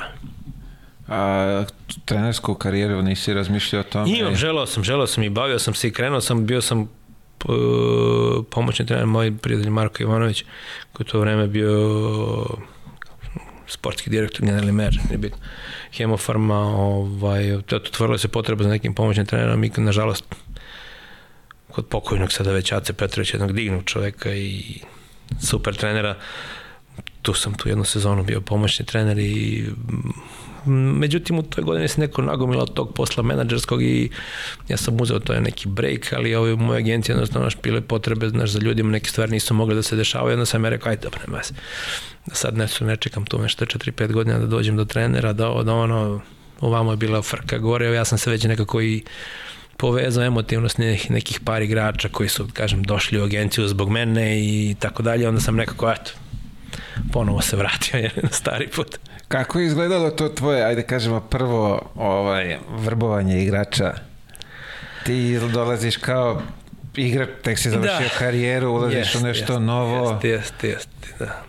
Pa imao sam sva, i, ono, ono, da kažem, išao sam na edukaciju u Ameriku, tako, tako bih ja to nazvao. Išao sam jedno, boga mi skoro 3-4 puta, išao sam i neki turnir tamo vamo i uh, sa tih par ljudi iz te agencije prisustvovao, slušao, učio, mm -hmm. otprilike kako to izgleda, šta interesuje igrač, šta, šta se tu stvari nudi, šta se to dešava. Je sad naravno američka priča i ova evropska priča su malo drugačije, tako da sam ja tu malo morao da jeli, to adaptiram i sve ostalo i tako, naučio sam posao, ono, vrlo, mislim, naučio sam posao, ono, učio sam posao u, u ono, u, u koracima i nekako mi je onako, šta znam, možda mi je u startu bilo nekako je lakše, jer sam praktično do juče igrao, onda mi prilike sam nekako znao što ovi naši, odnosno naši, šta naši igrači ove prilike očekuju, šta je to što im fali, šta je to što je realno možda im se pomogne u karijeri, tako da, ono, nije bilo neki ono, strašan prelaz opet to su sve neki ljudi s kojima si ili igrao ili igrao protiv njih ili znaš ih ovako ili onako tako da taj posao je neko onako bio onako, relativno lak, lagan prelaz. A, reci mi, kad pregovaraš sa mlađim igračima, koji su ono, te neke mlađe selekcije, zanima me, da ti, ka, kako im u, ili mu upakuješ priču da ispričaš da će to bude Hollywood ili, ili si ono više da kažeš neku realnu priču kako stvarno šta može da očekuje? Pa ja to ne bih mogao da kažem, pa pakujem kao Hollywood ili realno, ja volim da ispričam ono i kažem, prvo krenem od najgore opcije, šta je ono, znaš, mislim da ljudi shvate da imao sam stvarno puno ovaj, iskustava i sa nekim igračima van naše zemlje, recimo po Evropskoj uniji, ne znam, Nemačka, ovamo, namo, s nekim igračima s kojima pričaš da onako roditelji nisu puno upućeni, ne da nisu puno, neki roditelji uopšte i ne znaju šta se dešava u košarci, tako da mm, sam morao da pričam mnogo manje priče i mnogo manje ovaj, i da smanjujem sliku nego što je to jednostavno neki ljudi ne veruju tako šta se sve dešava. Ono, kakve kve karijere i šta sve ljudi mogu da naprave, naročito kad su deca toliko talentovana. Ali opet ja volim da ispričam da je to jednostavno ceo jedan proces gde u svemu tome i kad se ide gde treba da se ide i da se radi, kad treba da se radi, da opet mora čovjek da ima i malo sreće da ga zaobiđu povrede, da ga zaobiđu neke one okolnosti koje jednostavno nešto čovjek ne može da utiče i da to tek dovodi do nekog pravog puta, ali i do neke prave karijere, ali mislim da taj neki vrh i prava karijera ono, uspevaju da nadoknane sve to što čovjek propusti i ono što ne može da, naravno, neke stvari u mladosti koje neka druženja, neke rođene, neke žurke, jednostavno moraš da propustiš ako misliš da budeš vrhunski. A, jesi imao igrače neki koji su otišli izabrali školovanje pre profesionalne karijere? Bilo je dosta, dosta, dosta, pa ono, Kako ti gledaš na to? Jel ti ono, bude ti krivo što, što ne idu u taj neki, ajde da kažemo, u, u, u profi vode zbog tvog nekog procenta i, pošto biraju školovanje pre, jel? Ne, naprotiv, meni je drago, meni je čak drago, ja, neki od njih je, upravo sam spomenuo, jedan, jedan od tih mojih igrača je otišao i izabrao jedan poslovni koleđ gde je upoznao i gde mu je najbolji drug, jedan uh, sada njegov, tako da kažemo, eto i poslovni partner gde čovjek je odnosno vlasnik recimo kao velikog jednog lanca u Indiji, znači govorimo o zemlji pre, preko milijarda ljudi, no njegovo bogatstvo se možemo da, da, da. zamislimo, a on je recimo s njim uspao da kroz tu školovanje ne samo završi školu, nego uđe u biznis, ostvari kontakt i tako to mi je onako, ono, i više nego drago, tako da ti momci zaista koji izaberu to, meni je to onako šta znam. Ja sam mnogima i preporučivao i želeo pre nego ovih e, profesionalnih ugovora koji onako su relativno za ovo sadašnje vreme dosta onako, da kažem, veliki, ali solidni ugovori, ali to, ti solidni ugovori su nešto što je u karijeri se potroši, a nakon karijere ne ostane ništa za neki budući život. Ne, poznavajući ovaj, sticam okolnosti znamo dosta što bi se reklo ovaj, agenata, a, imao sam prilike da, da prisustujem da čovjek zarad svog procenta gura dete da da se, ajde da kažemo mane školovanje kao ajde ovamo pa će bit će ti ćeš napraviti sve to Tako da mi malo, znaš... Kao i svaki posao, ljudi ga rade ovako ili onako, ali ovaj... Uh, neko ko je prošao i neko ko je trčao i neko ko je ono ko je operisao koleno, znaš, iz košarke i to sve. Nekako, ovaj, uh, ono, shvatiš šta ti je bitno i šta je bitno da tim ljudima ostane i šta je važno no, na kraju krajeva, ne sad karijerom od 30, 34. godine, nego s nekim ko ima već 50-60 godina, ono da vidiš kako je to sve prošlo i ono, meni je drago kad oni to prođu, završe sve, pa se onda osede da su radili pravu stvar, ono, nakon karijere opet imaju nešto, rade, pripremljeni su da za neki život i posle karijere. Naravno. Uh, ono što je, što je meni bitno da napomenem ovde da treba malo gledati na duži period, da to što će aj, primjer, agent uzeti te godine taj neki procenat neće se ono obogatiti, a dečko na, na, na igrač na, na duži period gubi školovanje ili šta već. Pa ja mislim da u tom poslu je najvažnije gledati uh, igračku karijeru. Znači kad planiraš da planiraš celu karijeru i da, na, da shvataš da u stvari na kraju karijere se svode računi da ne možeš to da podeliš sad na godine, pa ne znam, pa ćeš mm, ono, treba raditi i planirati, znači da on na kraju karijere ostvari što može ja, više. I u da sportskom da smislu, i u finansijskom smislu, i u svemu, da na kraju karijere bude on na najvišem onom, da ostvari najviše što može. A neki put je to u toku, u tim koracima do ostvarivanja toga možda bolje uzeti manje, ali dobiti na nekoj drugoj strani više, pa iz tog više ćeš kasnije i naplatiti ostalo, tako da ono, treba razmišljati u tom pravcu pre nego daj sad što pre, tako da mislim da je to uopšte u životu, ne samo u košarkaškoj karijeri, ali naročito u košarkaškoj karijeri koja tako kratko traje, možeš baš tu da, ono, ne smeš da propustiš ni jednu godinu. Što bi se reklo, ne treba juriti za novcem odmah. Da, ne treba za juriti za novcem odmah, treba gledati ipak gde je ono, gde je kraj karijere da tu uzmeš najviše novca. A, e, isto je mnogo bitno da ti igrači imaju prave ljude oko sebe koji će im dati najbolje moguće savete u, u tom momentu šta je najbolje za njih i da ih oni razumiju. Naravno, naravno ti veliki igrači, naravno i koji naravno imaju veliki ugovori i sve ostalo su onako mamac za sve i svašta, nažalost, u ovom životu. Tako da moraju biti onako pametni i proceniti uh, šta je, ono, šta je zaista dobro za njih, a šta nije. A, jel imaš, ajde da, da podeliš sa nama ovaj, kog si to, kažemo, velikog igrača zastupao ti lično koji si završio ugovor za njega? Pa ne znam, ja sam, no, ne znam, ne znam, ne znam šta da, kod znam, bilo ih je dosta, šta lično, mislim, mi smo radili kao tim u ovoj agenciji. Mislim, da, ali... zvučnije, zvučnije ime, što bi se reklo ovde. Pa ne znam, lično konkretno, eto, ne znam, ja sam Jako Laković, recimo, ne znam, lupetam tamo za Galatasare, recimo, ne znam, šta znam, lično ja, da kažemo, eto, to je ono nešto, šta znam, otko znam, Stefana Birčevića sam završavao, ne znam, Pa, sećam se svega. ne mogu sad pravo ti kažem. Ne mogu sećam, ali kako ti kažem, taj neki posao gde sam ja radio za ovu veliku agenciju, znači mi smo to nekako radili timski, e, kasnije se moja agencija proširila, imali smo ljude praktično u svakoj velikoj košarkaškoj zemlji, pa je to sve radio nekako nekako tim ljudi, ne mogu sad da kažem da sam ja to lično sve sam završavao, ali ono, učestvovao sam zaista u velikom broju tih igrača i transfera i i ovde u Partizan i u Zvezdu i ne znam ti ja i po celoj Evropi ono, kažem, ali opet sve se to radilo onako timski. A, sad kad si jako spomenuo ovaj, Hoćeš nam ispričaš tu anegdotu za, za njega i Željka ili... Dobro, to je na njima da pričaju.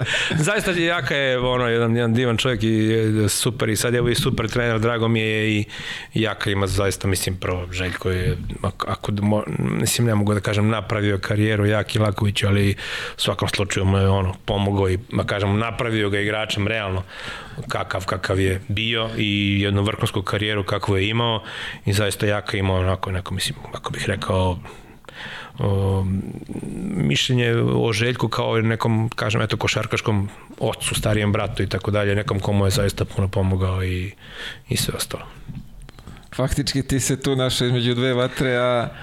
Pa da, da nešto tu došlo do nekog nesporazuma ovaj, um, oko veze njegovog odlaska u Detroit i pošto je to neki deo Amerike, ja sam bio više u Evropi, onda taj neki deo ja nisam ono znao, nisam ispratio i ovaj i tu je došlo do nekog, nekog nesporazuma, nestale su neke informacije i ali mislim da je to na kraju posle završeno sve kako treba, nije to.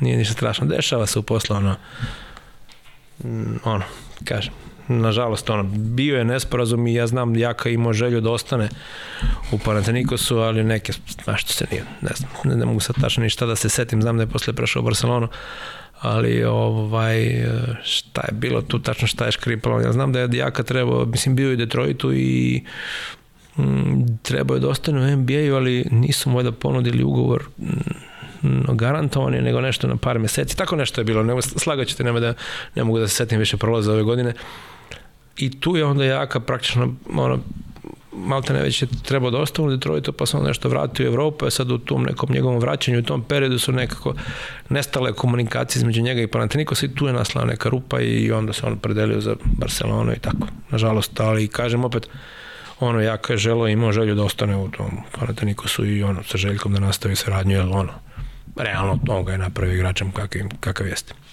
Nadam se da će imati ove prilike da ugostim i jednog i drugog pa da, pa da podelim. da, oni, oni znaju bolje, ja, ja sam sla, jakom pričao, ja znam da je samo tu nešto bilo oko toga, ja znam da je on dugo je bio tamo u tom Detroitu, ono, skoro tri nedelje, i ono dobro je prošao, dobro radio, znam da ga je trener hteo, ali ne znam šta je bilo da tamo njima u klubu, nešto nije bilo, znaš ono salary cap, pa nešto, tako nešto se dešava, ne, ne znam tačno, ne, ne, ne, da, da ne ovaj, ali znam da je ono praktično već bio u NBA-u iz, ono, iz tih nekih o, tehničkih detalja nije otišao pa se vratio, je sad tu negde prošlo neko vreme, valjda i tako, eto. Kako vidiš sad uh, Partizan sa novim rukovodstvom, novim trenerom? Pa ono, kažem, ovo novo rukovodstvo zaista i sa onim delom i u Trinkjeriju i svem ostalom vidi se jedna zbiljnost, znači prina se vraća na ono pravi put kao klub. Se stabilizovao dolazak Željka Obradovića prikazuje znači mislim sam, samo to dođe njega govori o ambicijama, željama i ozbiljnosti kluba. Željko je napravio opet neki spoj mladosti iskustva, doveo te neke mlade, neke naše talentovane igrače, doveo iz Amerike odavde odande, vratio ih nešto u klub, sigurno poznavajući Željka toliko ovaj, mislim da će se truditi da što više naših igrača ali uključi u sve to, naravno sa to je stvari tržišta i u ovom trenutku i marketa i svega ostaloga i, ovaj, i jednostavno potreba tima šta sve treba, koliko će to biti u mogućnosti da se dostvari. Ali ovaj, eto, rezultati pokazuju, tim raste, naročito, ne znam, svi ti mlađi igrači, počeši od Koprivice, Smajlegića pa nadalje, rastu i postaju pravi ozbiljni igrači, naravno, što jeli, samo pokazuje rad i eto, idu dobro na svim za sad planovima, idu i dobro napreduju, ono, tu su ABA ligi su drugi, u ovo Eurokupu su drugi bili u grupi, kreće ovo četvrt finale, imaju te dve prve utakmice kući i ako se ne desi neko iznenađenje, jeli to polufinale će biti tamo u svojim špancima, pa to je to. A, to je viđenje Eurolige narednih godina? Pa kao i svi, svi vide da je to sad neozne. Ovo je vrlo neizvesno. Ovi ruski klubovi su ono praktično izašli, nema ih.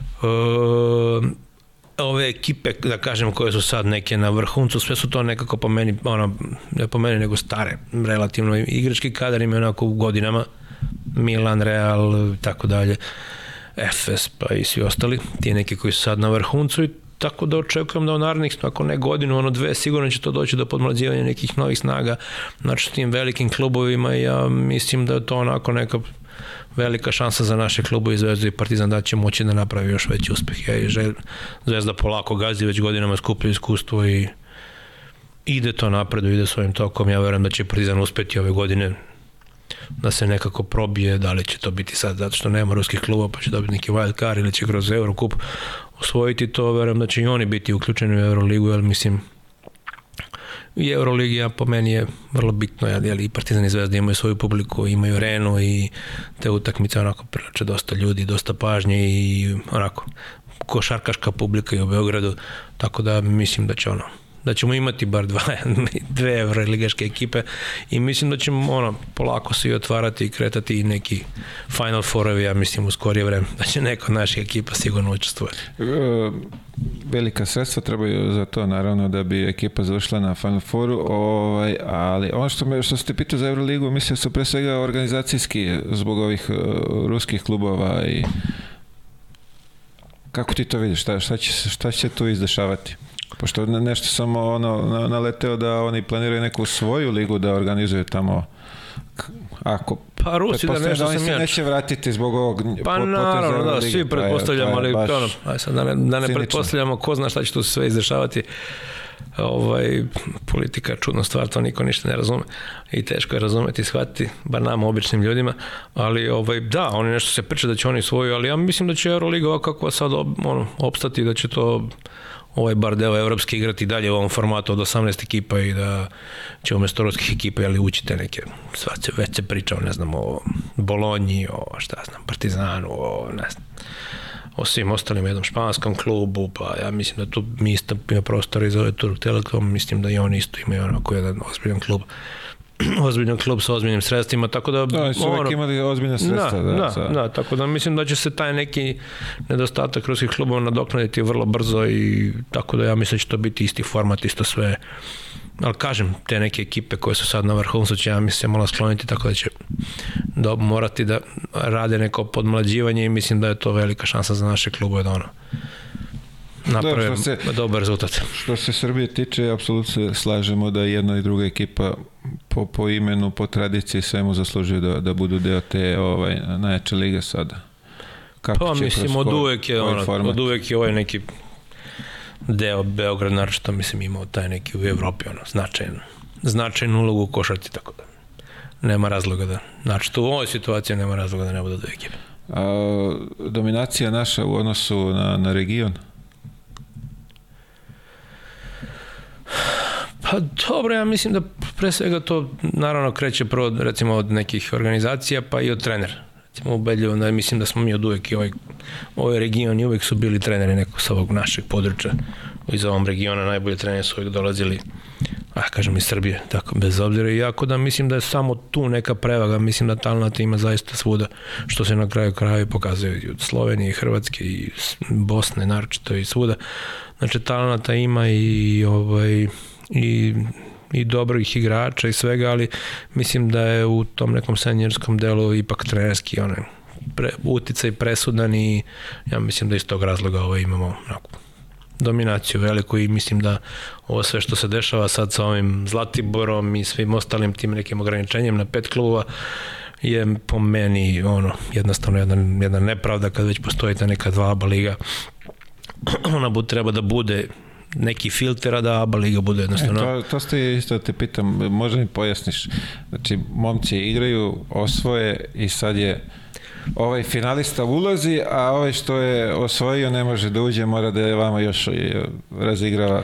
Pa, mislim da to je totalno nesportski i totalno ono van pameti, jer kažem, postoji ta neka dva baliba, neka ona bude filter, Znači da najjači da ono kvalitet bude tu. Sad da li je to tri srpska, šest ovih ili onih, nebitno je. Znači taj kvalitet ko je prvi ko je svoje neka igra tu ligu, znači oni su momci kroz parket, kroz košarku zaslužili, osvojili to sad, to je sad neka politika da ima ovih pet, ovih tri, ovih četiri, mislim kada već postoji, ja se slažem da Tako da ukoliko da. postoji samo jedna liga, pa da kažemo, ajde, treba da postoji nešto, pa zbog postavnog sistema, pa zbog ovog ona, znači ako neće, kada sad već postoji ta aba dva liga, mislim da je to onda...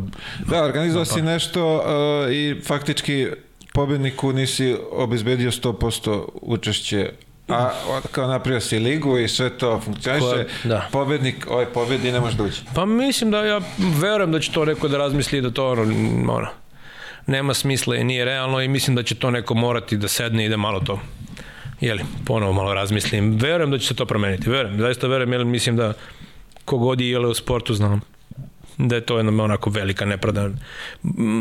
Najviše prema tim momcima na koji su na ovom, na ovom terenu igrali. Da, a faktički borac je izborio sebi da, da, da ostane, tako? Kroz rezultate i sad je i on svi sad ovaj, je on u ovaj, problemu sad on treba da razmišlja da li će da ispadne ili ne.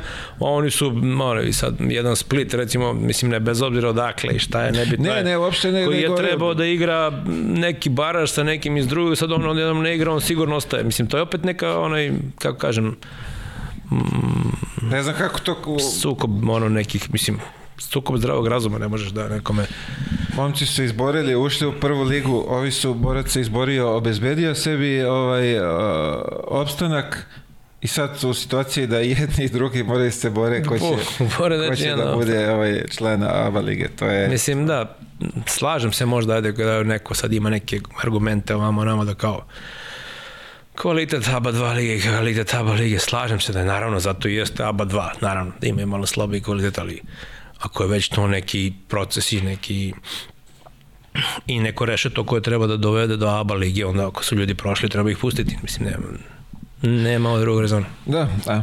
Tako je, ovaj, takom smo podeblju da je kod nas i, i nemoguće moguće. Da. Ali ne, ja, ja stvarno verujem da će neko sesti i da će ono, to malo pretresti. Ja verujem malo da će i... oni sesti, nego da će se dogovoriti. To je, oni će uvek sesti da, ovaj, samo što ne verujem da će ovaj, napraviti dogovor? Pa ja ne znam kako imaju nekog zdravog razuma, to sve bez obzira na interes trenutni će negde prodavati taj zdravi sportski razum da će možda i sutra isto nekome se kaže i s njihove strane to se desiti, pa onda mislim da to ako je sve sport sport i ako je to organizovano tako, pa nek to bude to. Faktički teren, naročito teren, što, bi bio, teren da. je merilo gde je bio... Ne, naročito što ta neka uh, raspodela tih nekih pet ekipa iz Srbije vamo namo je pravljena, znaš, kad je bilo 12 ekipa u ABA ligi. A sad je već, sad imaš i 14 ekipa, znači samim tim već to bi trebalo da bude neki ono, kako da kažem, povod za neko razmišljanje, neko drugačiju organizaciju sa ovom ABA 2 ligom, da se jednostavno ta neka ograničenja skinu da ABA liga bude čisto, eto, znači, dotle može da se dođe kroz to, to, to i to, kroz to neko takmičenje ABA 2 lige. Da li Nešto sad ti da možeš da, menja. menjaš, da, da li ćeš sad ti da, ne znam, ispadaju dva, tri, jedan klub, to možeš da menjaš, ali mislim da je ono, sportski rezultat, odnosno rezultat ostvaren na terenu, osnovno merilo nekog, je tako, budućeg plasmana i svega ostaloga, ne sad što je propisano. Ali dobro, šta da radimo, živimo u Ajde, čudnom vidjet vremenu i to što da. kaže sve je moguće, da. Vidjet ćemo, vidjet ćemo. Verovatno će biti neka ovaj, skupština uskoro, pa će ovaj, da ovaj, i o tome razgovarati. A, ja mislim da će morati, ali mislim da ovo je ovako je onako baš totalno van sportski. Vlado, ili ima nešto ovaj, što bih htio da dodaš, da nismo, da, da nismo se dotakli toga? Pa mislim, ispričali smo sve iz, iz, iz praistorije, iz doba dinosaura smo krenuli, a smo završili na ovim igricama, tako da ne znam šta, se- ne znam čega se nismo dotakli stvarno. Želim ti ovaj, puno uspeha u, sa novom agencijom, u, ajde kažemo, u novoj karijeri. Hvala puno, drago mi je bilo što sam došao i drago mi je što eto ovako neke nove stvari, neki nevi ljudi se bave nekim novim stvarima u košarci, a ne na što smo već navikli dugo. Pokrenuli smo neku zanimljivu priču, vidjet ćemo da li, da li ovaj pije vodu. Za, Pa ja mislim da hoće da je to nešto da neko jeste, da. lepo, da. i pričali smo malo pre u uvodu, kažem baš je lepo ako pričati s nekim nekako malo iz nekog, neke drugačije perspektive. Hvala ti mnogo, želim ti sve najbolje, uh, želim ti da uh, kako vi to zovete, 3 puta 3 osvojite, sve dok ovaj moj klub ne bude organizovao. hvala puno, hvala puno i tebi sve najlepše, puno uspeha. Dragi gledalci, bila je to još jedna epizoda ovaj podcasta Ja Mile. Zapratite YouTube kanal, budite u, uz kanal i vidimo se sledeće nedelje. Prijetno.